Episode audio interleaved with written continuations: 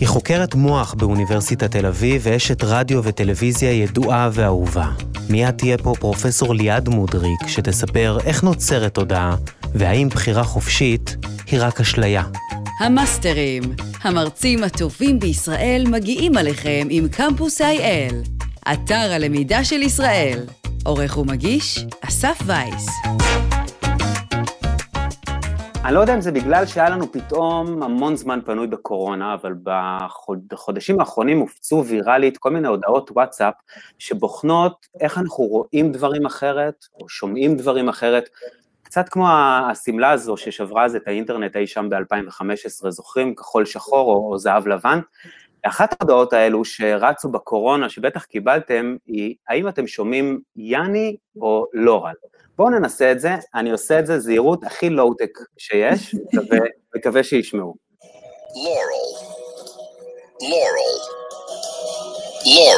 ערב טוב, ליעד. ערב טוב, אסף.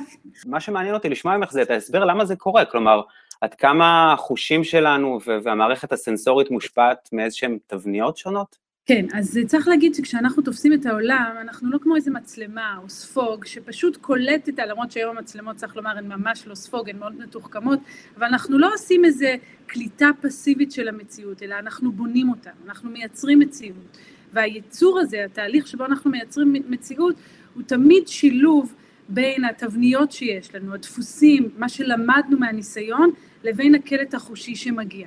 עכשיו, בדרך כלל זה עובד אצל כולם אותו דבר. רוב האשליות הוויזואליות שאני עובדת איתן, שאני מכירה, הן אשליות שעובדות על כולנו באותה צורה, כי לרובנו יש תבניות די דומות לגבי למשל אור וצל, או שחור ולבן, או המשכיות של אובייקטים. אבל יש מקרים מיוחדים, כמו הלורל והיאני, כמו השמלה, שבהם יש איזשהו הבדל בתבניות שאיתן אנחנו מגיעים מהבית, ולכן כנראה כל אחד מאיתנו שומע את זה אחרת. אז לגבי הלורל ויאני אני לא כל כך יודעת להגיד לך את התבנית המדויקת, אבל לגבי השמלה למשל, איך אתה רואה אותה? לבן וזהב או שחור וכחול? לבן וזהב. גם אני. וואלה. אנחנו, אנחנו ממש יוצאי דופן בזה. אה, באמת? כן, כי כל ה... רוב האנשים רואים את זה כחול ושחור, יש מעט יותר שרואים את זה לבן וזהב. הצבע האמיתי הוא תכלת וזהב. מה זה, מה זה צבע אמיתי? הצבע של השמלה. השמלה עצמה שצולמה היא תכלת וזהב. עכשיו, היא נראית לנו שונה לחלק מאיתנו, ואחת השאלות היא למה. ותשובה טובה לזה אין, אבל יש בכל זאת התקרבות לתשובה. כי לקחו נבדקים, הכניסו אותם למגנט, ל-FMRI, שזה בעצם מכשיר שמאפשר לנו לסרוק את צריכת הדם, להתחקות אחר צריכת הדם של אזורים שונים במוח, ולפי זה לדעת אילו אזורים הם יותר פעילים ואילו אזורים הם פחות פעילים. וכשהכניסו את הנבדקים למגנט וביקשו מהם פשוט לראות את התמונה הזאת, ניסו לראות האם יש הבדל בפעילות המוחית של הנבדקים שרואים את השמלה הלבן וזהב, כמונו, ונבדקים שרואים את השמלה כחול ושחור. מה שמצאו זה שאצל הנבדקים שרואים אותה בלבן וזהב הייתה יותר פעילות פרונטלית בזמן הצפייה. עכשיו, מה זה אומר? אני לא יודעת להגיד לכם, כי כל אחד, יש, שמעתי פעם, נדמה לי שזה הגיע, הייתי אז סטודנטית, שזה היה פרופסור רפי מלאך ממכון ויצמן, שאמר ש-FMRI זה קצת כמו לראות תמונה מלמעלה של כדור הארץ כשאנחנו נמצאים בחושך, בלילה. כי אז אפשר לראות את האורות, איזה אזורים, איפה יש אורות, איזה אזורים פעילים ואיזה אזורים לכאורה ישנים. אבל זה שבסיני למשל אין חושך, אין אור, סליחה, בלילה, הכל חשוך שם, לא אומר שאנשים שם ישנים באותו זמן. זה קצת דומה למה שקורה במגנט, ב-FMRI. אנחנו רואים אילו אזורים צורכים חמצן, אבל אנחנו לא יודעים בדיוק מה הם עושים או למה הם עושים את זה. אז אם נחזור רגע למה שמצאו, הנבדקים שרואים את זה לבן וזהב, יש להם יותר פעילות פרונטלית. אחת הפרשנויות של הממצא הזה, זה שהנבדקים האלה יותר עסוקים במה שנקרא top down processing. מה זה אומר top down? אם אמרתי שהתפיסה שלנו היא תמיד מפגש בין הקלט שנכנס בתהליכים של bottom up, זאת אומרת מהעיניים אל התלמוס שזה גרעין בסיס, אל קליפת המוח, עולה ומטפס במעלה ההיררכיה הוויזואלית, לבין תהליכים שהם top down, שזה הידע שלנו והציפיות שלנו והאמונות שלנו, שהם כמו פילטרים כאלה, שדרכם אנחנו מעבדים את המידע, אז נראה שאנשים שרואים את זה בלבן וזהב, מפעילים יותר תהליכים של top down, והם מפרשים יותר את התמונה. והפרשנות שאנחנו עושים, אסף, זה לחשוב שהתמונה הזאת נמצאת בצל, שהשמלה הזאת נמצאת בצל.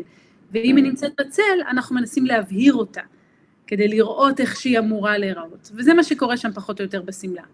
אם, אם ניקח את זה אולי צעד אחד מעבר אה, לרובד החושי ויותר תפיסתי, יכול להיות שכמו את השמלה וכמו את הקולות האלה שכולנו שמענו עכשיו, גם את המציאות בכללותה וספציפית את המשבר הנוכחי וכל הספקטרום של המשמעויות שלו, כל אחד ואחת מאיתנו חווים בצורה שונה לחלוטין?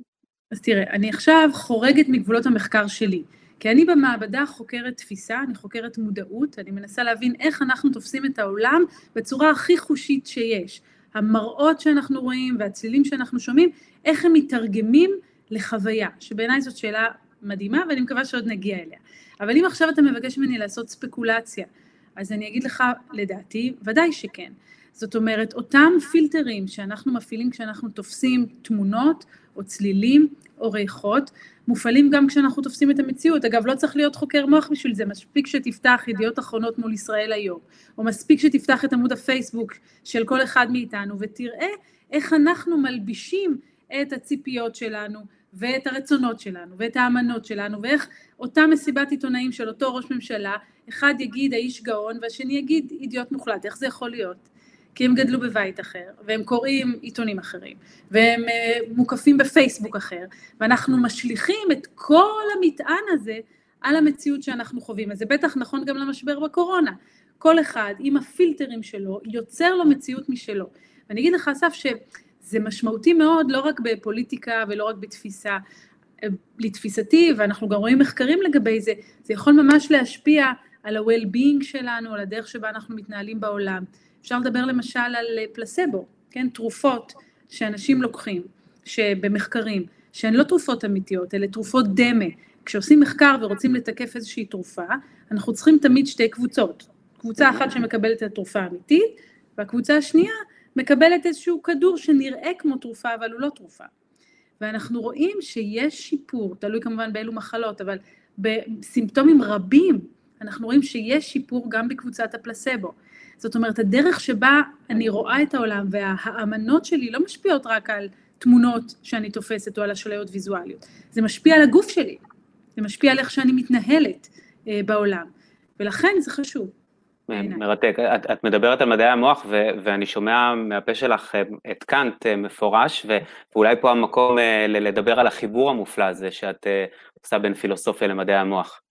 כן, אז אה, אני באמת אה, עשיתי דוקטורט גם במדעי המוח או בפסיכולוגיה אה, וגם בפילוסופיה, והסיבה הייתה שאני כאמור חוקרת מודעות. אז מודעות זה תופעה מאוד מאוד מורכבת. אחד הדברים שאולי הכי, מצד אחד אנחנו מכירים אותו הכי טוב בעולם, כי אני רק פוקחת את העיניים, וכבר עולם שלם נברא לנגד עיניי ואני חווה אותו, אז מהרגע הראשון אנחנו מרגישים, חווים, תואמים אה, את העולם, אבל מצד שני, אנחנו לא מבינים אותו, זו אולי אחת החידות הכי גדולות שבני אדם מנסים להבין עוד משחר האנושות. אז אה, אני חשבתי שאם אני מתעסקת בנושאים מהסוג הזה, אז אני חייבת להגיע עם כלים אה, משתי הדיסציפלינות, ובאמת מה שאתה אומר על כאן זה מאוד מדויק. זאת אומרת, קאנט בפילוסופיה שלו דיבר על הקטגוריות שלנו, קטגוריות שדרכן אנחנו יוצרים לנו את עולם התופעות, והוא דיבר על זה שאין לנו נגישות לדברים כפי שהם לעצמם, ואני חייבת להסכים איתו, על אף שיש פילוסופים שמתווכחים איתו. אני לא יודעת באמת איך, אה, מה הצבע של פרח, אני רק יודעת איך הצבע הזה נקלט בעיניי. חיה אחרת, שיש לה קולטנים אחרים על הרשתית, תראה את הפרח הזה בצבע אחר. אז מה הצבע האמיתי שלו? אין לו כל כך צבע אמיתי, כי הצבע כן. האמיתי הוא תמיד המפגש בין התכולות הפיזיקליות של הפרח הזה, שהן אמיתיות והן אובייקטיביות, לבין מערכת החושים שלי ומערכת התפיסה שלי, ומה שהיא מצליחה בעצם אה, לייצר עבורי. מרתק, אז זהו, אז זהו, האמת שהתחלנו ככה וצללנו ישר לשמלות ולאשליות, ואני אשמח אם, אם נלך צעד אחד אחורה ונדבר ככה יותר במבט של מטא, קודם כל זה וואחד אתגר לחקור תודעה, ואני אשמח לשמוע איזה שאלות מטרידות אותך ובעיקר מניעות אותך. כן, אני חייבת להגיד שאני אומרת לכל הסטודנטים שבאים למעבדה, אני אומרת להם, אם אתם רוצים לבוא לעבוד איתנו, בעיניי זאת השאלה הכי מעניינת בעולם, אבל גורו לכם, תיזהרו, כי זה תחום שקשה, קשה מאוד לחקור אותו, כי יש בו כל כך הרבה מורכבות, גם פילוסופית, קונספטואלית, וגם איך לעשות את זה במעבדה. אבל למה זה בכל זאת מעניין אותנו? אה, אז אני תמיד אוהבת לתת את הדוגמה, ויסלחו לי מי שאולי כבר שמע אותי אומרת את זה, פשוט אני מאוד אוהבת שוקולד, זה אחד הדברים שמגדירים אותי. אה, ואני זוכרת אה, את הפעם שבה חשבתי על זה, שכשאני מכניסה קוביית שוקולד לפה, ומאז אני משתמשת בדוגמה הזאת שוב ושוב, כי היא פשוט בעיניי ממחישה את זה מצוין, אבל אם נגיד אתה אוהב סלק ולא שוקולד, אתה יכול ללכת על זה עם סלק, בסדר? סבבה, זה. אז אה, אם, אנחנו, אם אני עכשיו מכניסה אה, קוביית אה, שוקולד לפה, אז קוביית השוקולד הזאת, אני, יש לי קולטנים על הלשון שיכולים לזהות שיש שם הרבה סוכר, שיש שם הרבה גלוקוז. אבל מעבר לעיבוד המידע הזה שמתרחש כל הזמן, קורה עוד דבר שהוא כמובן מופלא, וזה הטעם של השוקולד, החוויה. וכמו הטעם של השוקולד אפשר לדבר על הצבע האדום של החולצה שלי, או על הצלילים של המוזיקה שאנחנו שומעים, ובעצם על כל העולם המנטלי שלנו. Mm-hmm. והשאלה שבגללה אני נגיד לא ישנה בלילה, זה איך יכול להיות שמתוך פעילות מוחית שהיא פיזיקלית לחלוטין, נולד העושר המנטלי הזה. כאילו נראה שיש פה קפיצה מתחום אחד שהוא מדיד ואובייקטיבי ואפשר לצפות בו, למשהו שהוא קורה רק בתודעה שלי, רק בתוכי, ואם אני לא אספר לך שאני עכשיו אה, רואה צבע אדום, אתה לא תדע שאני רואה צבע אדום. Mm. ואתה יכול אולי לסרוק את הפעילות המוחית שלי, אבל האם הפעילות המוחית שלי תגיד לך איך מרגיש לי האדום? כנראה שלא תגיד. כן. אז, אז השאלה הגדולה שאנחנו מנסים לפתור או לחקור, ואין לי אשליות לגבי סיכויי ההצלחה שלנו, אבל אולי קצת לפחות נתקרב אל הפתרון של השאלה הזאת, זה איך זה קורה. איך זה קורה ומה המנגנון המוחי שמוליד את החוויה המודעת שלנו. מרתק, ונשמע לי שזה גם, חוץ מזה שזו שאלה סופר מעניינת ומורכבת, זה גם אתגר ניסויי, כלומר, מהם הכלים האמפיריים? הרי אי אפשר לשים מודעות מתחת למיקרוסקופ, נשמע שיש פה חיבור בין מצד אחד FMRI ו-EEG, מצד שני ביקורת התבונה הטהורה. כן, אז אני באמת מתעסקת בעיקר ב-EEG, ואנחנו מנסים, קודם כל האתגר הוא אתגר ניסויי. איך אני יכולה לקחת אנשים למעבדה ולגרום להם אה, לשחק במצבי התודעה שלהם. אז יש לי כל מיני כלים שעומדים לרשותי, כמו שאומרים להגיד, בארגז הכלים שלי. אז דבר אחד שאני יכולה לעשות, זה להשתמש במה שנקרא מיסוך. מה זה מיסוך? אולי שמעת את הסיפור הזה על האנשים שהלכו לקולנוע, והראו להם מהר מהר תמונות של קוקה קולה, ואז כולם רצו וקנו קוקה קולה ופופקורן כן. וזה. פרסום אז, אה, סבלימינלי. כן, אז קודם כל זה לא, זה שקר. כלומר, אין שום עדות לזה שהפרסום הסבלימינלי הזה עובד. יש מחקר שמראה שאם מקרינים לך תמונות של משקה באופן סבלימינלי, כלומר תת-ציפי, כל כך מהר שאתה לא מבחין בהן אפילו, אז אם אתה כבר צמא, תשתה יותר. אבל זה לא שאני יכולה עכשיו לגרום לך לשתות ואם אתה בכלל לא צמא. אבל בכל מקרה, אני כן יכולה לשתות... למרות שיש חוק שאוסר על זה גם, לא? נכון, יש חוק בארצות הברית, טוב, בארצות הברית יש חוק נגד כל דבר כמעט, בין אם הוא עובד ובין אם לא, אבל מה שחשוב מבחינתי זה שהשיטה עובדת, זאת אומרת, כמו נגיד במועדון קרב למי שראה את הסרט, אפשר להכניס פריימים מאוד מאוד מהר, כך שהנבדקים שלנו בכלל לא ידעו שהם שם, אבל הם כן מאבדים אותם בעין. ואז אני יכולה לבדוק מה קורה במוח כשהוצג גירוי שהנבדקים לא ראו, לעומת הוצג גירוי שהנבדקים כן ראו. הדבר היחיד שמבחין ביניהם יהיה החוויה המודעת, אם הצלחתי לעשות את זה נכון, וזה קשה. אז זו שיטה אחת. שיטה אחרת שעומדת לרשותנו זה להקרין תמונות שונות לכל עין. עין אחת רואה נגיד איזו תמונה של פרצוף, ובעין השנייה אני מקרינה משהו מאוד מאוד דינמי, הרבה כתמים צבעוניים שמשתנים כל הזמן, ומכיוון שהגירוי הזה הוא כל כך חזק, אני רואה רק אותו, ובמשך שניות ארוכות הנבדקים לא רואים בכלל את הפרצוף הזה שאני ממסכת. אז השיטה הזאת שקוראים לה, יש לה שם ארוך, Continuous Flash Suppression, היא מאפשרת לי להציג גירויים לאורך זמן. אז יש כל מיני שיטות כאלה, אה, אפשר לשחק איתן, אפשר גם לשחק עם הקשב, בטח אתה והמאזינים או הצופים שלנו אה, מכירים את הניסוי הזה עם הגורילה, נכון? יש שתי קבוצות שמשחקות כן. בכדור. מי שלא מכיר... אה, הרסתי לו. הרסת לו. הרסתי לו, אני מצטערת, אבל. נחתוך את זה בעריכה. כן, אני מאמינה שרובכם אה, בטח נחשפתם לזה בהזדמנות כזו או אחרת. מה קורה שם? למי שלא מכיר, יש שתי קבוצות שמשחקות בכדור, והם מבקשים מהנבדקים אה, לעקוב אחרי הקבוצה הלבנה, וברקע עוברת שם גורילה, היא אפילו ככה חובטת על החזה, והנבדקים לא רואים, או שני שליש מהנבדקים לא רואים את הגורילה. למה הם לא רואים אותה? מכיוון שהקשב שלהם עסוק במשהו אחר. והאמת, אסף, שזה, אני חושבת, אחד הניסויים שיותר דומים ללא מודע בחיי היומיום שלנו.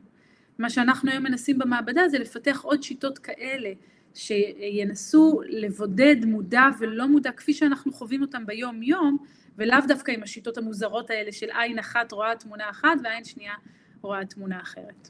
כלומר שהפוקוס שלנו על המרכז, הרבה פעמים אנחנו גם מתעלמים מהפריפריה.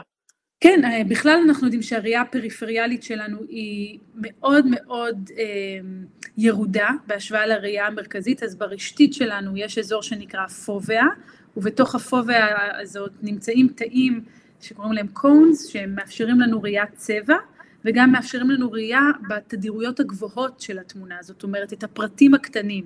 לעומת זאת בפריפריה של הרשתית, מסביב לפוביה, אנחנו רואים תאים, הרוב התאים שם הם תאים שנקראים רודס, שאלה תאים שהם אה, אה, לא מאפשרים ראיית צבע, והם גם מספיק להם הרבה פחות אור, אבל החדות שלהם הרבה יותר ירודה. אז נגיד כשאנחנו קמים בלילה והולכים לשירותים, ואנחנו פתאום רואים את העולם כזה קצת בשחור לבן ומגורען כזה, זה מכיוון שהתאים בפוביה לא יכולים לפעול, כי אין להם מספיק אור, וכל הראייה שלנו נשענת על הרודס האלה. אה, בעברית זה קנים ומדוחים. מדהים. האמת היא, ש, האמת היא שחושבים על זה למרבה הצער, זה נכון לא רק בפסיכולוגיה, אלא גם בסוציולוגיה, כלומר, הפוקוס שלנו הרבה יותר על המרכז ואנחנו מתעלמים מה, מהפריפריה, אבל אה, לא יודע אם זו אנלוגיה שתופסת, אני, אני חושב שזה סופר מרתק, ואני אשמח אם לרגע נצלול לרובד אה, יישומי. ולמשמעויות אה, לחיים של כל אחד ואחת מאיתנו. כלומר, איך המחקרים האלה משפיעים אה, על, על ההחלטות שלנו בחיים? אה, למשל אפילו, האם לשלוח את הילד לבית הספר, האם לחבוש מסכה, מבחינת קבלת החלטות. כן, אז אני, תראה, אני קצת נזהרת פה, כי אני לא מומחית לענייני קבלת החלטות, וזה לא, אני אמנם חוקרת את התפקיד של מודעות בקבלת החלטות, אולי עוד נגיע לזה אחר כך, כל מה שנקרא הוויכוח הגדול סביב שאלת הרצון החופשי.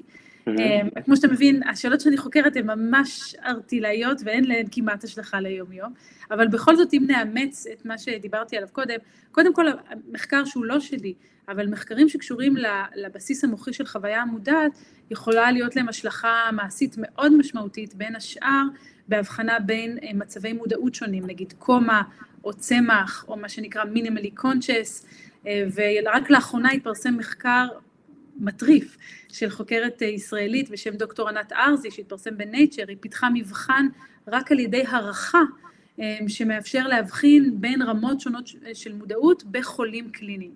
אז זה סוג אחד של יישום שיש לה מחקרים בתחום שלנו. אבל סוג אחר של יישום זה קצת, אני, אני אגיד לך איך אני מיישמת את זה בחיים שלי. אני הרבה פעמים מנסה לשאול את עצמי, איפה עכשיו אני רואה את התבנית את ה top down שלי, את מה שאני מצפה לראות, ואיפה אני מפספסת את הגורילה, איפה אני מפספסת את מה שאני לא מצפה לראות אותו. אנחנו יודעים גם, דרך אגב, מחקר אה, של חוקר בשם ג'רמי וולף הראה, הוא נתן לרדיולוגים אה, צילומים של אה, חזה, של שדיים, של נשים, שבהן יש גידול, אבל בשלבים מאוד מאוד מוקדמים. וחלק גדול מהם פספסו את הגידול הזה. אבל ברגע שהוא אמר להם, יש שם גידול, אז כולם ידעו למצוא אותו.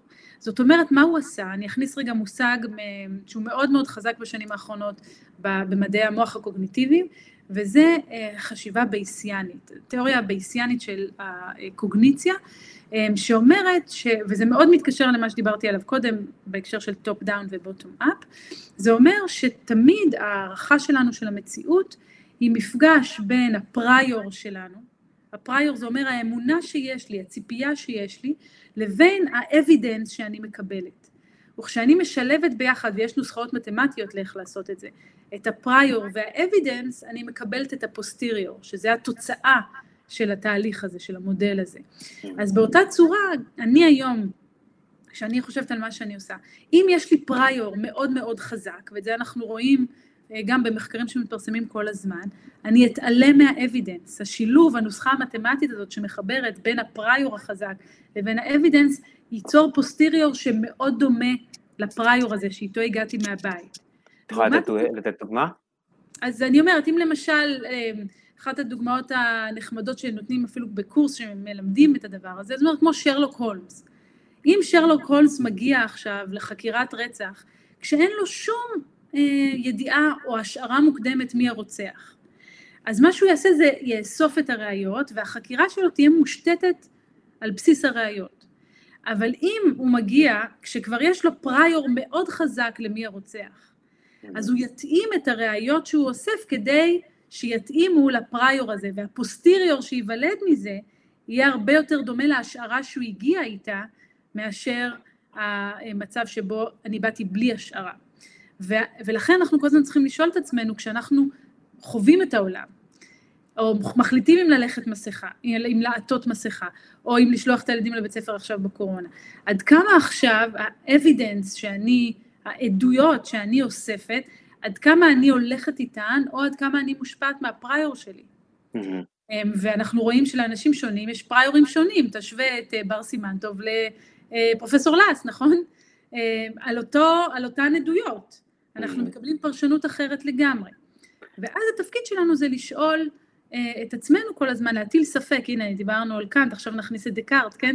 להטיל ספק במה שאנחנו תופסים וחושבים, ולשאול עד כמה הוא מבוסס עדויות, או עד כמה הוא מבוסס האמנות. אבל אני רק אגיד מילה אחת, אה, הפריור זה לא דבר רע.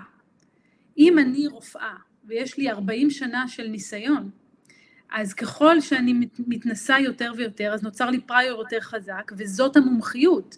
אנחנו רוצים שיהיו לנו פריירים חזקים, זה, זה מאוד, אה, כמו שאומרים, אה, אוהבים לקרוא לזה אדפטיבי, זה עוזר לנו, עוזר לנו באבולוציה, עוזר לנו בהתמודדות בחיים, כן? אם עכשיו אני פוגשת אריה, אז טוב שיש לי פריור חזק לברוח, ולא להתחיל לשקול עדויות. אבל אנחנו תמיד צריכים לשאול את עצמנו, איפה אנחנו נמצאים במשחק העדין הזה, שבין הפריור והאבידנס, כשאנחנו יוצרים את הפוסטיריור הזה. מעניין, ואני רואה שבתגובות פה גם עולות שאלות בהקשר הזה, אה, דני אבן צור למשל שואל על מי באמת מקבל את ההחלטות שלנו, המודע או הלא מודע, ובהקשר הזה אני אשמח אם תוכלי לי, להצטרף, לצרף גם לדיון את הרצון החופשי, אה, כי אם יש כל כך הרבה מרכיבים שמשפיעים על ההחלטות שלנו, אז מה, מה המשמעות שלו, והכל צפוי והרשות נתונה? כן, אז אם לא סיבכנו מספיק את האנשים שנמצאים איתנו, אז עכשיו בואו נכניס מושג עוד יותר סבוך ועוד יותר מורכב, שנקרא הרצון החופשי.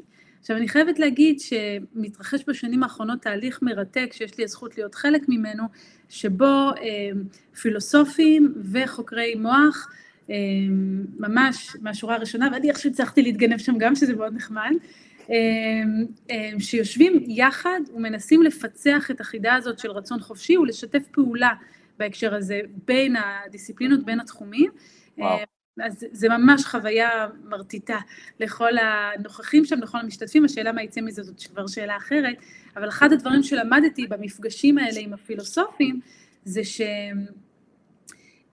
אה, כל רצון חופשי זה מושג שיש לו המון הגדרות והמון פרשנויות, וכמספר ההגדרות גם מספר הפתרונות לבעיה הזו של הרצון החופשי. עכשיו, אני עצמי עברתי, אני, אני לא פילוסופית של רצון חופשי, אני לא פילוסופית בכלל, אני מתעסקת בחקר המוח היום ובפסיכולוגיה קוגניטיבית, אה, אבל אני כן אה, נהנית מהדיאלוג הזה וכן עסקתי בזה פעם. אני יכולה להגיד לך איך אני תופסת את הדברים, אבל זו ממש לא תיאוריה פילוסופית סדורה. ואני עברתי מהפך אה, בהקשר הזה. אז כשהתחלתי את התהליך של התעסקות בשאלות מהסוג הזה, אז הדבר שהכי הכי העסיק אותי זה השאלה שדיברת עליה קודם, של הכל נתון והכל צפוי והרשות נתונה, אמ, השאלה של, של דטרמיניזם. Mm-hmm. זאת אומרת, איך יכול להיות רצון חופשי אם העולם שלנו הוא דטרמיניסטי? ואני זוכרת אפילו מפגש שהיה לי בפסטיבל הפילוסופיה בירושלים לפני בטח 15 שנה, ישבו שם אמ, אה, פרופסור קרלו שטרנגר המנוח, שהיה איש רוח עצום אה, מימדים אה, בהרבה מאוד מובנים, אה, ואחד הפילוסופים החשובים של רצון חופשי, הארי פרנקפורט, ייבדל לחיים ארוכים. ופרנקפורט שם אמר שפרנקפורט הוא מה שנקרא קומפיטבליסט, קומפיטבליסט, זאת אומרת, מישהו שחושב שרצון חופשי ודטרמיניזם, כן, דטרמיניזם זו התפיסה שהכל קבוע מראש, ורצון חופשי זה התפיסה שיש לנו איזשהו רצון חופשי, שתכף נדבר מה, שהם קומפטיבל, זאת אומרת שהם יכולים ללכת ביחד. ואני זוכרת שישבתי מולו ואמרתי לו, אבל אני לא מבינה, אם זה קבוע מראש, איך זה יכול להיות חופשי? והוא רק חייך חיוך אה, מלא משמעות, ואמר לעצמו, אני מתארת לעצמי, היא לא, היא לא מבינה אותי בכלל. באמת לא הבנתי. היום אני אה, ממש עברתי המרה לצד שלו, ואני חושבת שהוא צודק. אה, ואני חושבת שהמושג שלנו, של רצון חופשי, כולל שלוש ציפיות, של לבני אדם, אני אומרת, לא פילוסופים, אני, אתה, כשאנחנו יושבים וחושבים מה אנחנו מגדירים כפעולה חופשית, שהשתמשנו בה ברצ... ברצון חופשי, ואני חושבת שאנחנו דורשים שלוש דרישות, ואני חושבת שהדרישות האלה לא יושבות ביחד. אז נתחיל. הדרישה הראשונה, כמו שאמרת, זה שהייתי יכולה לנהוג אחרת.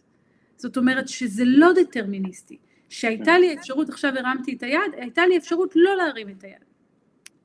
הדרישה השנייה זה שזה יהיה מודע. אמרת קודם, אחת השאלות הייתה, אה, האם התהליכים המודעים שלנו מקבלים את ההחלטה או התהליכים הלא מודעים? כי אנחנו מרגישים שאם אפילו לא הייתי מודעת למה שעשיתי, אם, למה שהחלטתי, אם גורמים לא מודעים השפיעו על ההחלטה שלי, אז ברור שהיא לא חופשית. והדבר השלישי שאנחנו רוצים, זה שזה יתאים למי שאנחנו, לאופי שלנו, לערכים שלנו, לאישיות שלנו. אני אתן לך דוגמה כדי להסביר, כי זה משהו שאולי פחות אינטואיטיבי. נגיד, אה, כולנו רוצים להיות הורים ממש מעולים, נכון? אבל לפעמים יוצאת לנו הורות לא כל כך מושלמת. אה. נגיד, אני לא יודעת מה איתך. חבר. פעם סיפר לי שזה קרה לו. בדיוק, אז אני לפחות קרה לי פעם שצעקתי על הילדים שלי יותר חזק ממה שרציתי, אוקיי? אה, במקרה הטוב. אה, ואז אחרי שאתה צועק, פתאום יוצאת לך איזו צעקה כזאת. אז אתה מרגיש, אתה מרגיש שזה לא שלך. כאילו, אתה אומר לעצמך, למה צעקתי את זה? זה? אני ממש, אני לא רוצה להתנהג ככה. נכון? או שאתה יושב בארוחה, ואתה כבר שבע, ממש ממש שבע, ואז אתה לוקח עוד ביס, ואתה אומר, למה הייתי צריך את הביס הזה? יש איזו תחושה כזאת, כאילו משהו כפה עליך. לצעוק או לקחת את הביס וזה, וזה לא בא ממך. אז יש לנו איזו ציפייה שתהיה לנו יכולת להצדיק את כל המעשים שלנו, שנרגיש שהם באו מהליבה שלנו, מהערכים שלנו, מהרצונות שלנו. והטענה שלי היא שדרישה 2 ו-3, ובפרט דרישה 3, לא הולכת עם דרישה אחת. זאת אומרת, אם אתה רוצה שהפעולות שלך לא יהיו אקראיות, שננבעו ממך, מסולם הערכים שלך, מהרצונות שלך, מהאמונות שלך, אז אתה בעצם רוצה להיות צפוי מראש. Mm-hmm. כלומר, אתה בעצם רוצה שבאותו מצב, בהינתן אותו מצב, אתה תבחר את אותה בחירה. כי אם לא, אז מה הופך את זה לשלך? מה הופך את זה לרציונלי? מה הופך את זה לתואם לערכים שלך? אתה הרי לא רוצה, החופש לא נמצא באיזו אקראיות כזאת, שהפרפר נפנף בכנפיו איפשהו בעולם ואני בגלל זה הרמתי את היד. נכון? אנחנו רוצים שזה ינבע מאיתנו. אז התפיסה שלי היום אומרת שהפעולות שלנו יכולות להיות חופשיות לחלוטין, אבל לגמרי להיקבע על ידי המוח שלנו. ושהשאלה הזאת, אם הייתי יכולה לנהוג אחרת, היא שאלה שאי אפשר לבדוק אותה, כי אף פעם אני לא אהיה באותו מצב פעמיים, המוח שלי יהיה אחר. אמ, אז אף פעם אני לא אוכל לנהוג אחרת ממה שנהגתי, ואף פעם לא יוכלו לבדוק את זה, אם אני יכולה לנהוג אחרת. אז אני בעד להניח את השאלה הזאת בצד. היא כואבת לנו, כן? היא קשה. כי אנחנו אומרים, אה, אם אני לא יכולה לנהוג אחרת, אז מה המשמעות להחלטות שלי? יש משמעות, ויש משמעות גם לתהליך של ההתלבטות. אה. אם יש לנו זמן, אני אשמח לספר על מחקר שאנחנו עשינו, שבדק את, את השאלה הזאת בצורה אמפירית. האמת היא שאני חושב שפה בתגובות בדיוק מישהי אה, שאלה, אה, ענבל יהלום, על המחקר הזה שבעצם כמה שניות לפני שאנחנו מחליטים, יש עדות במוח על כך שאנחנו הולכים אה, לבצע את הפעולה, ואם אני לא טועה, לכם היה איזשהו מחקר מאוד מאוד מעניין. נכון. ש... אז אם את יכולה להסביר. מעניין, אני שמחה שאתה חושב, תודה, אבל זה בהחלט מחקר שקשור לזה. אז ענבל כותבת, יש עדויות ב-EEG, EEG זה מערכת, זה קסדה כזאת ששמים על המוח ויש בה הרבה אלקטרודות, ולא שמים על המוח, שמים על הראש, כן? אה, ויש בה הרבה אלקטרודות והאלקטרודות האלה מקליטות את הפעילות החשמלית שמייצרים תאי המוח וזה כמובן עובר מוחלש מאוד דרך הקרקפת, כן? אמ, אבל באמצעות EEG אה, הראו עוד במקור אה, לפניו, אבל מי שבאמת עשה את הדבר המשמעותי היה בנג'מין ליבט במחקר מ-1983, והוא הראה שחצי שנייה לפני שהנבדקים מדווחים שהיה להם את הדחף המודע לזוז, יש כבר פעילות חשמלית שמנבאת את ההזזה הזו של היד, שקשורה להזזה של היד. אמ, וזה עורר הרבה, קוראים לפוטנציאל החשמלי הזה אה, פוטנציאל המוכנות או readiness potential, וזה עורר הרבה מאוד רעש, תיאוריות שלמות, ספרים שלמים, שלקחו את זה ואמרו, אוקיי, הנה הוכחה מדעית שאין כזה דבר רצון חופשי. כבר עשרות שנים, כן. כבר משנת 83. ומה שענבל מתייחסת אליו זה מחקר אה, FMRI, שבו הצליחו לנבא מתוך פעילות מוחית למעשה תשע שניות לפני שהנבדקים יזיזו את היד, האם הם הולכים להזיז את יד ימין או את יד שמאל, זו עבודה של ג'ון דילן היינס, חוקר שהוא אגב אחד החוקרים בקבוצה הזאת שאנחנו, אה, שסיפרתי לכם עליה קודם. ואנחנו בעבודה משותפת עם דוקטור אורי מעוז, שהוא היום נמצא גם בצ'פמן אוניברסיטי וגם ב-UCLA בקליפורניה, אורי ואני שאלנו את עצמנו, הסתכלנו על המחקרים האלה ואמרנו, נכון, יש עדויות שבאמת המודעות נסרכת מאחורי הפעילות המוחית שקשורה להחלטה, אבל כל העדויות האלה מגיעות ממחקרים שבהם הנבדקים מבצעים החלטה חסרת משמעות. למה הכוונה? הנבדקים יושבים במעבדה ואומרים להם, תזיזו את היד ברגע שאתם מרגישים את הדחף המודע לזוז. זה אקראי לגמרי, נכון? שרירותי גם. תוכן, לא... שרירותי לחלוטין. ואנחנו אמרנו, יכול להיות שהסיבה שהמודעות לא משחקת כאן תפקיד משמעותי, זה שאנחנו לא צריכים אותה. זו החלטה כל כך שרירותית שיש כנראה איזה מנגנון שובר סימטריה במוח, שגורם לך לזוז. אבל מה יקרה כשהנבדקים יקבלו החלטות בעלות משמעות? Mm. אז מה שעשינו, עשינו ניסוי EEG, שבו הנבדקים אה, אה, יושבים במעבדה, מחוברים כאמור ל-EEG שמקליט את הפעילות החשמלית שהמוח שלהם מייצר. כל נבדק שהגיע למעבדה הצגנו לו אה, שמות של עמותות, וביקשנו ממנו לדרג, או ממנה, מהנבדקת, בואו נלך על נבדקת לשם השוויון, ביקשנו ממנה לדרג את העמותות שמופיעות על המסך לפי כמה היא רוצה לתרום להן. ואז הצגנו שתי עמותות בכל צד על המסך, והנבדקת ידעה שאם היא בוחרת את הימנית או את השמאלית, בסוף תהיה הגרלה, ואנחנו נתרום אלף דולר בשמה לעמותה הזאת, אם, אם היא תיבחר, אם הצעד הזה ייבחר ואם הנבדקת הזאת תיבחר. כלומר, היא ידעה שכל צעד שהיא עושה, יש סיכוי אמיתי שהעמותה תקבל אלף דולר. עכשיו, זה היה תנאי של קבלת החלטות בעלות משמעות, והיו החלטות קלות והיו החלטות קשות.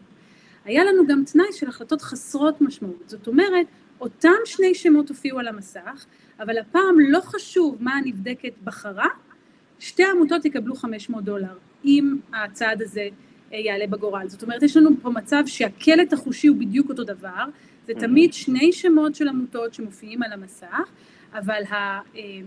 והקל, וגם הפלט המוטורי אותו דבר, כי אני תמיד לוחצת ימין או שמאל, אבל המשמעות של ההחלטה היא שונה בתכלית. בתנאי אחד אתה מקבל החלטות בעלות משמעות, אתה צריך להתלבט אם אתה רוצה לתרום למען האגודה למלחמה בסרטן או לעלם, ובתנאי השני אתה מקבל, אה, אתה מקבל החלטה, אתה, אתה מקבל את אותם שמות, אבל לא משנה מה תלחץ, שתי עמותות יקבלו את הכסף. ומה שמצאנו זה שפוטנציאל המוכנות הזה מופיע לפני החלטות חסרות משמעות, אבל הוא ממש לא קיים בהחלטות בעלות משמעות. זאת אומרת ששם המודעות שלנו לא נשרכת מאחורי איזה פוטנציאל שמנבא את ההחלטה. עכשיו רק שאני אסביר, כדי שזה יהיה ברור, החלטות בעלות משמעות לא מגיעות מהאוויר. היינו יכולים באמצעות כלים אחרים לנבא בטח גם את ההחלטות האלה ולמצוא את התהליך של הדליברציה, של ההתלבטות, גם את הבסיס המוחי שלו. אז אני לא טוענת פה שהוכחנו איזה רצון חופשי לא מוחי, ממש לא, אני חושבת שהכל מגיע מהמוח. אבל מה שהראינו זה שהעדות הכי חזקה היום שנוירוסיינס הצליח להציע נגד הרעיון הזה של רצון חופשי שעושה דיסוציאציה, הפרדה בין החוויה המודעת לבין הפעילות המוחית, ההפרדה הזאת נכונה רק להחלטות חסרות משמעות, mm. להחלטות שבהן ההתלבטות המודעת שלנו לא משחקת תפקיד. זה מאוד מאוד לוקח אותנו, וגם רואים את זה פה בתגובות, לשאלה של תוקף מוסרי. ובאמת השאלה של המוסר היא מאוד משמעותית, כי אה, אנחנו מניחים שצריך להיות רצון חופשי בשביל אחריות מוסרית. אז קודם כל אני אגיד לך שמשפטנים ופילוסופים של המשפט, אה, כבר עוד לפני שדיברנו על מוח, התמודדו עם הבעיה הזאת של דטרמיניזם, רצון חופשי ואחריות מוסרית. אה, והתפיסה שלי היום, שוב, מכיוון שאני חושבת ש... שוב, אני רוצה גם לסייג, אני לא פילוסופית של אחריות מוסרית, זה, לא, אני לא מדברת מתוך סמכות פה, אני מדברת מתוך מה שאני חושבת אה, עם האינטראקציה שלי עם השאלות האלה והמחקר שאני מתעסקת בו.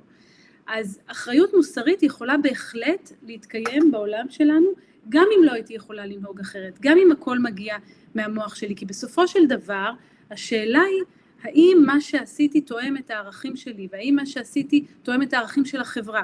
עכשיו יש פה סוגיות קשות, כן? בואו נדבר רגע, היה מקרה אה, מפורסם של אה, פדופיל שדיווח על דחפים פדופילים שיש לו ועמד למשפט על זה, ואז גילו שיש לו גידול במוח.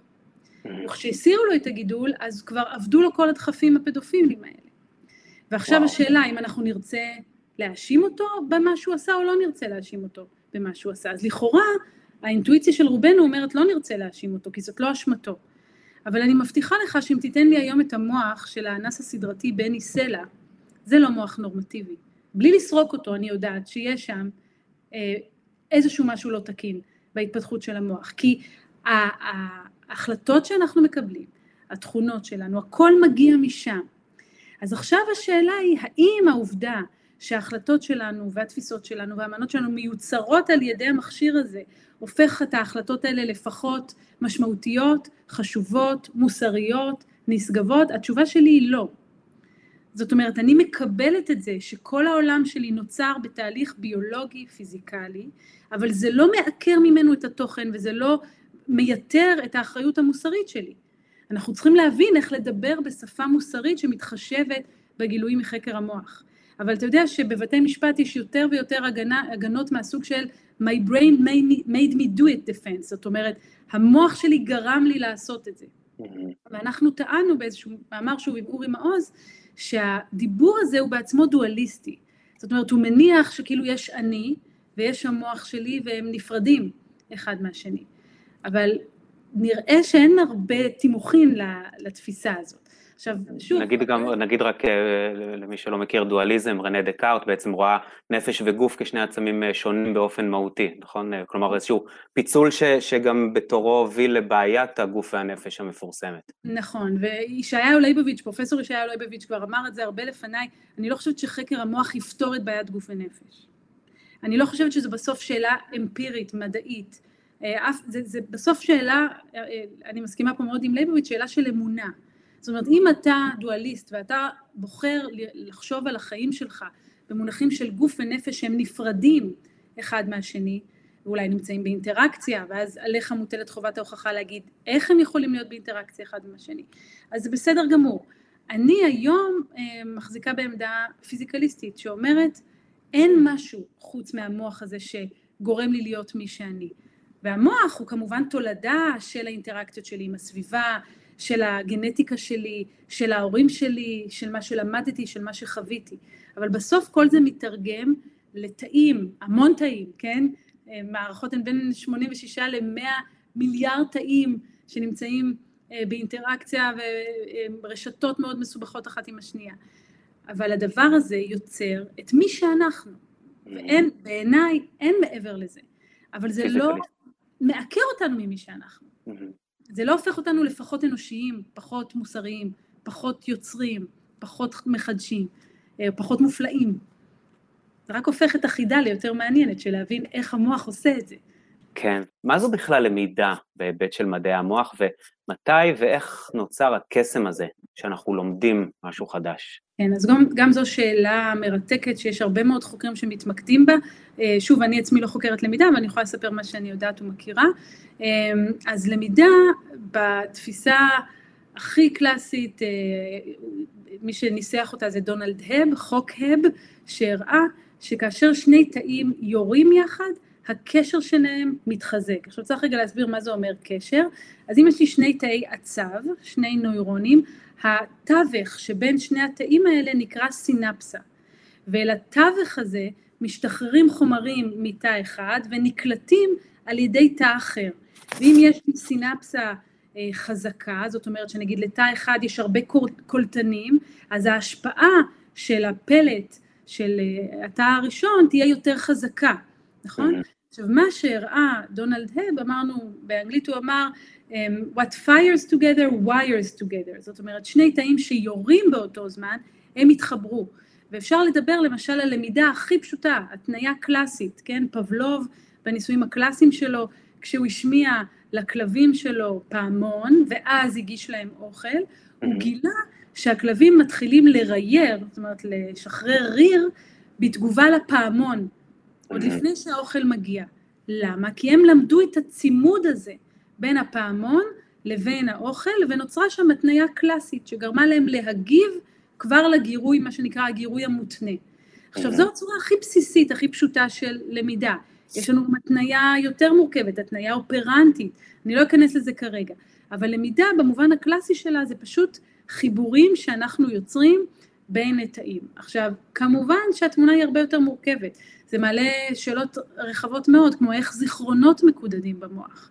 כן. שגם זו שאלה מרתקת, כן, זיכרונות. האמת ש, שזיכרון זה נושא שחוזר פה הרבה, שרית תפרח, צריך להגיד, שואלת האם אפשר לשנות זיכרונות ששמורים אה, אה, בתת מודע, ואם כן, אז, אז כיצד, ונסרין קזני בר גיורא, אה, האם ניתן לשנות את ההשפעה השלילית של הזיכרונות או, או לנטרל אותן? שאלה מעולה, שאלות מעולות.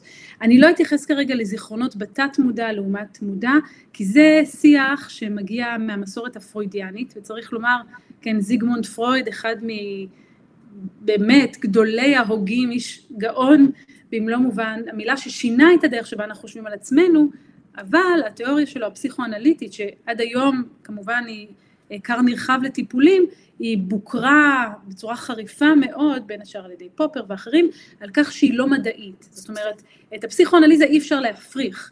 היא לא מייצרת אף תחזית, אף השערה או היפותזה שאפשר אה, לעשות ניסוי ואו לאשר או להפריך אותה. היא יכולה להסביר כל דבר. ולכן אנחנו היום כשאנחנו חוקרים מודע ולא מודע, אנחנו מאוד מאוד בורחים מהתחום הפרוידיאני כדי להוכיח שאנחנו מדע. כן, כדי שלא יאשימו אותנו שאנחנו חוקרים דברים לא מדעיים.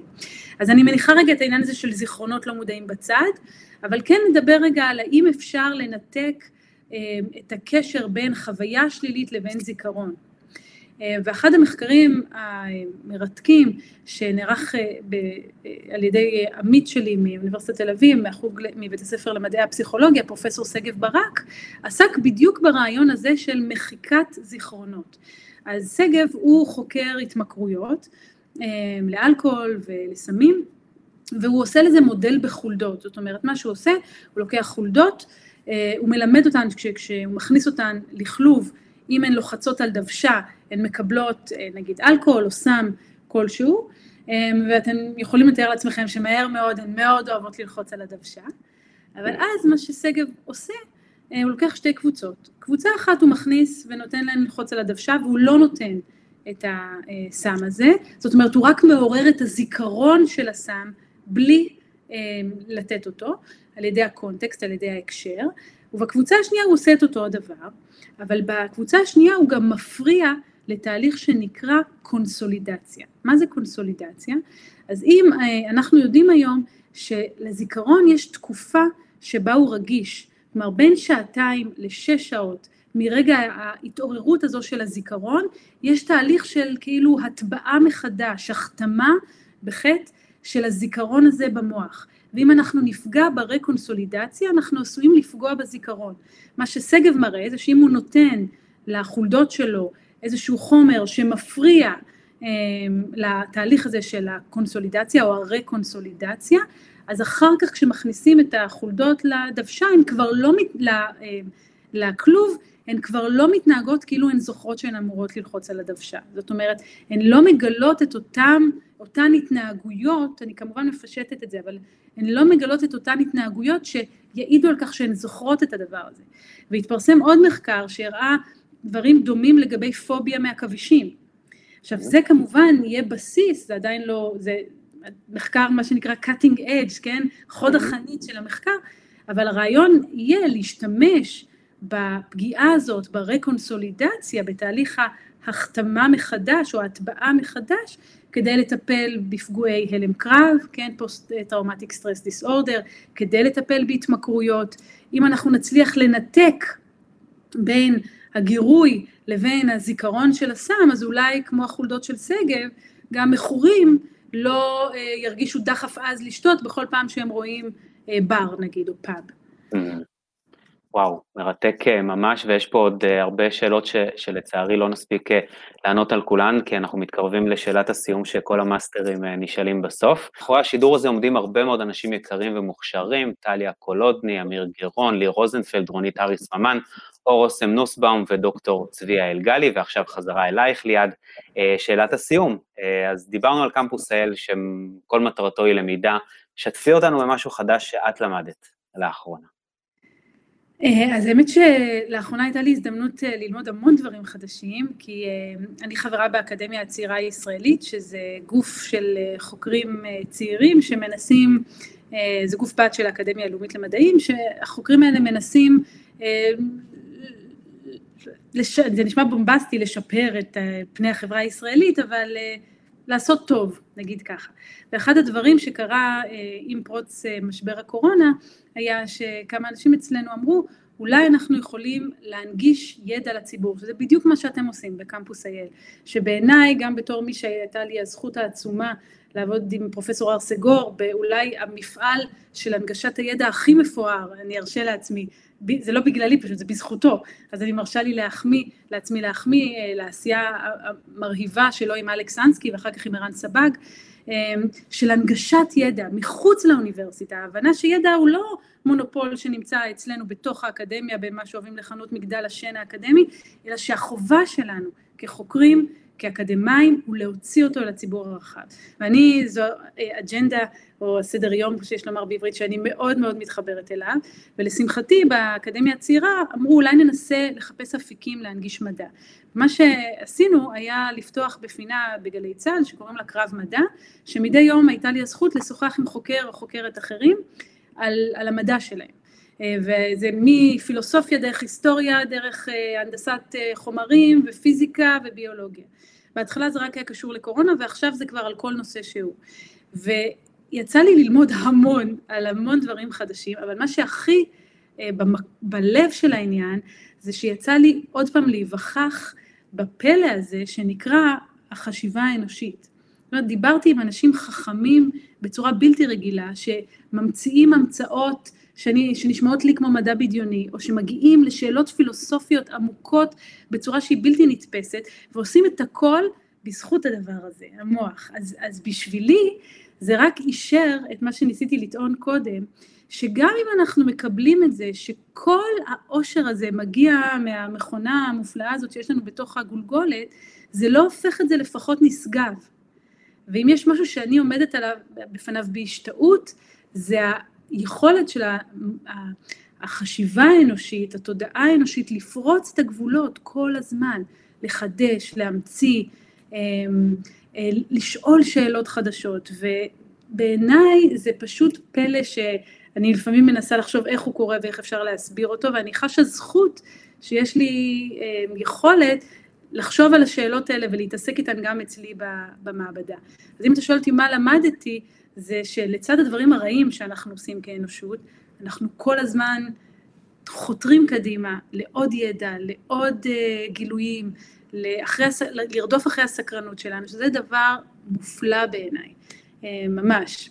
אז, uh, אז זה היה, זה היה, מבחינתי זו הייתה נקודת אור בתוך כל הקורונה האפלולית הזאת.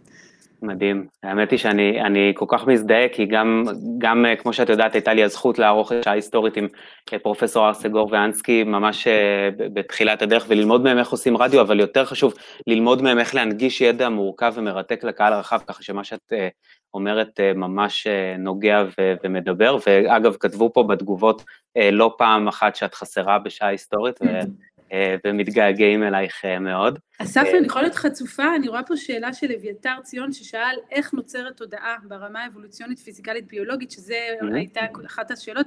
אני כן אגיד על זה מילה, אם יש לך חצי דקה, בסדר? כי אני לא רוצה שאנשים יצאו מאוכזבים. אין מבזק, אה, שום דבר לא... אז, אביתר, אני אגיד לך ככה, יש לנו, יש כמה תיאוריות היום שמנסות להסביר איך נולדת אה, מודעות מתוך פעילות מוחית. וגם בהקשר הזה אני אגיד שיש לי זכות וגם כבוד להיות חלק מפרויקט שהוא ממש אה, אה, רב, כזה חובק עולם עם עשר מעבדות שונות בעולם שבו אנחנו מנסים לבחון את התיאוריות האלה בשלל טכניקות, גם FMRI, גם MEG, גם ECOG, זאת אומרת כל מיני טכניקות של הדמיה מוחית שמנסות לענות על השאלה הזאת. התשובה הקצרה זה שאנחנו עדיין לא יודעים. זאת אומרת, אין היום תיאוריה אחת שמסבירה איך מודעות נולדת מתוך פעילות המוחית.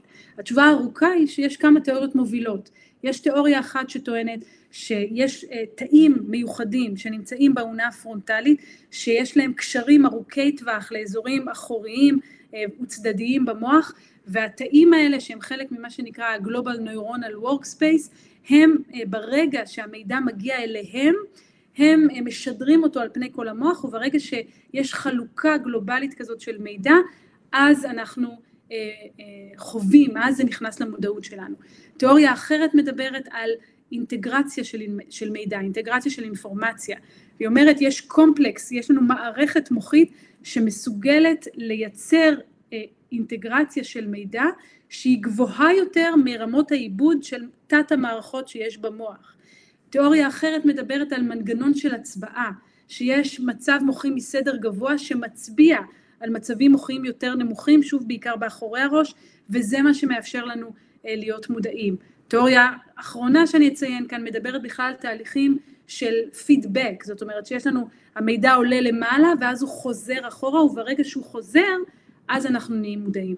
אז כרגע אלה תיאוריות, אלה השערות שיש להן תימוכים כאלה ואחרים, גם מחולים במצבי תודעה שונים, אה, אבל הן עדיין רחוקות מלהיות תיאוריה שלמה שמסבירה איך זה קורה, וכמובן שהן לא עונות על מה שהפילוסוף דיוויד צ'למרס הגדיר כבעיה הקשה.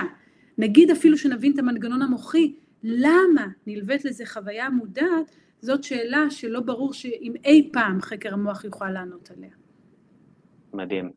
Uh, תודה רבה, האמת שלאביתר שהחזיר אותנו לשאלה שהייתה ככה כותרת הדיון ומרוב שצללנו לכל כך הרבה נושאים מרתקים uh, טיפה פספסנו אותה ובשמחה שגם אין uh, ג'ינגלים שיושבים לנו על הראש וסופרים שצריך לסיים אז גלשנו קצת יותר והיה ממש ממש מרתק.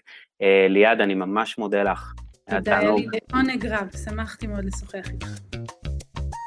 המאסטרים, המרצים הטובים בישראל מגיעים עליכם עם קמפוס IL, אתר הלמידה של ישראל.